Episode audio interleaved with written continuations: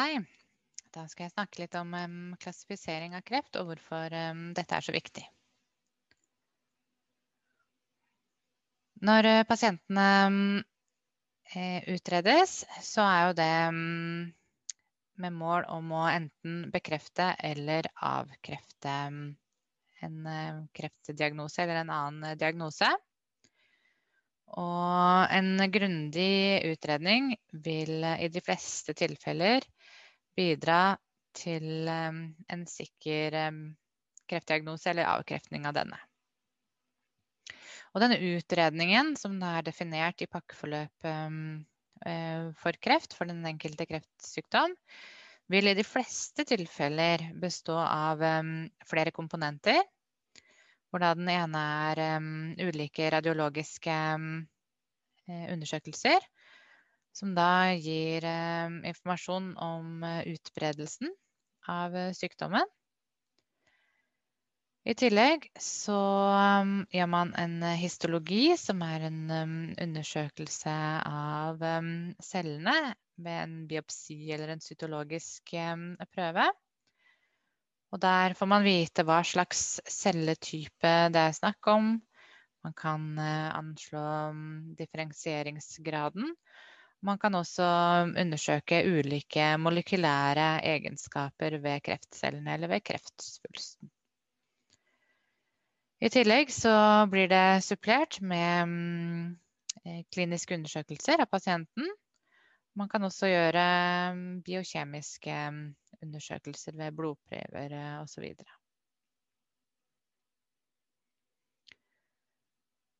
Når man da har gjort eh, og fått svar på alle mm, de undersøkelsene som eh, man behøver, så vil man da kunne mm, klassifisere kreften inn i det vi kaller for TNM-systemet, som er et internasjonalt system for beskrivelse av sykdomsutbredelsen. Og dette er viktig fordi at utbredelsen av sykdommen er bestemmende, eller i hvert fall medbestemmende, for hvilken behandling som det er hensiktsmessig å gi til pasientene. Og grunnen til at det heter eh, TNM, er um, fordi det er tre komponenter som inngår her, hvor T-en står for um, tumor. Og da har man en gradering fra 1 til 4 ut fra tumorstørrelsen, hvor én viser til minst størrelse og fire viser til en stor tumor. Denne mm, T-en kan også da mm, være med på å beskrive plasseringen og innvekst i eh, andre organer. Når det kommer til eh, enden, så står den for node, som da betyr lymfeknute. Og her graderes det fra 0 til 3 ved nærvær eller fravær av lymfeknutemetastaser. Og da er det både antall, størrelse, plassering og hvilke lymfeknuteområder som er involvert, som eh, er med på å bestemme eh, hvilken gradering som gis. M-en står for eh, metastase og graderer fra 0 mm, til 1, eller dvs. Si 0 eller 1 mm, i de fleste tilfeller.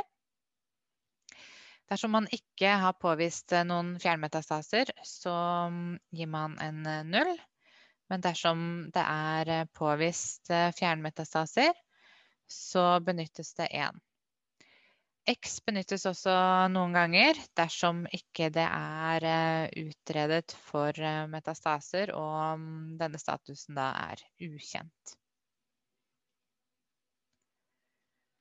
Og noen kreftsykdommer benytter i tillegg til eh, TNM-graderingen å gjøre en stadieinndeling av sykdommen. Og da gjerne fra 1 til 4 fire, og det er kanskje særlig lungekreft og gynekologisk kreft som bruker da denne stadieinndelingen, hvor um, stadium én er um, det laveste stadiet, og det er minst sykdomsutbredelse. og minst alvorlig sykdom, mens stadium fire er langtkommen sykdom. Og så, avhengig av eh, sykdomsutbredelsen, så mm, vil man mm, avgjøre behandlingsintensjonen for pasientene. Og for de fleste pasienter så mm, eh, har de da en kurativ behandlingsintensjon, hvor da målet med behandlingen er at man skal helbrede. Men det er ikke alle tilfeller at um, det er mulig å helbrede, og det eh, kan man i stor grad vite ut fra eh, omfanget av sykdomsutbredelsen. Så en del pasienter har da også enten um, ved um, diagnosetidspunkt en um, palliativ eh, behandlingsintensjon, eller man kan få det seinere i behandlingsforløpet, eller seinere i sykdomsforløpet, egentlig. Ehm, dersom man får tilbakefall som ikke er mulig å helbrede. Og ved palliativ behandlingsintensjon så eh, kan eh, målet med behandlingen enten være eh, livsforlengende, eller det kan være for å forebygge eh, symptomer som da kan komme av eh, at man har eh, tumorvekst i organer som man vet eh, kan eller vil gi plager på litt sikt. Eller så vil det da kunne være symptomlindrende for eh, pasienter som har plager fra eh, kreftsykdommen sin. At man går inn og og prøver å, å avhjelpe de symptomene for eh, pasienten. Og hvilken eh, behandling pasienten da skal ha, bestemmes egentlig av eh, flere ulike mm, faktorer. Som primært er sykdomsutbredelsen, som vi nå har snakket litt om. Men i tillegg til dette så er det ikke alle pasienter som eh, nødvendigvis tåler en aggressiv eh, kreftbehandling fordi de har eh, komorbiditet eller andre alvorlige sykdommer som kan være begrensende for hva de tåler. I tillegg så skal man jo ta, ta hensyn til hva pasienten ønsker selv, og det kommer jo litt an på hvor i livet pasienten er, og hva slags type Eh, bivirkninger på kort og på lang sikt man kan forvente. Så står det alder i parentes, og det er fordi at alder i utgangspunktet mm, ikke er bestemmende for mm, behandlingsvalget nødvendigvis. Eh, fordi at det er så stor forskjell, så store individuelle forskjeller fra person til person i forhold til mm, eh, hvor spreke de er.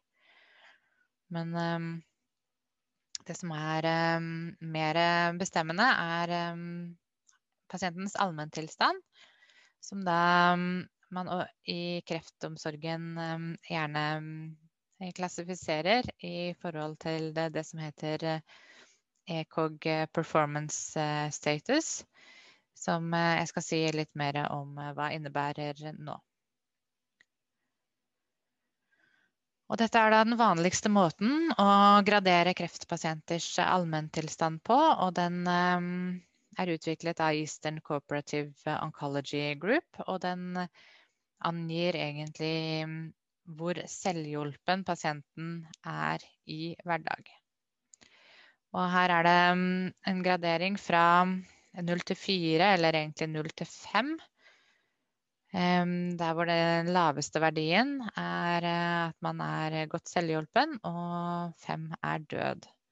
Og som vi ser her, da, så er ECOG 0. Da er man i stand til å utføre alle normale aktiviteter uten eh, restriksjoner i det hele tatt. Da er man ikke påvirka av sykdommen eh, rent fysisk. Ved ECOG 1 så har man eh, noe innskrenkning i belastende aktiviteter, men man klarer hovedsakelig å være oppegående og, og, er i stand til å utføre lettere arbeid. Ved ECOG2 så er man eh, mobil, kan eh, bevege seg rundt og er eh, selvhjulpen til det man må gjøre. Men man klarer ikke å, å gjøre noe arbeid, da. Men man er oppegående mer enn 50% av dagen. Hvis man har ECOG3, så er man selvhjulpen i begrenset grad, men man bruker mer enn halvparten av Eh, dagtiden på mm, å sitte eller å ligge og hvile seg. Hvis man har ECOG4, så mm, er man eh, egentlig mm, eh, bundet til seng eller stol og er helt ute av stand til å stelle seg selv og er avhengig av hjelp fra andre hele veien. Og ECOG5, da er man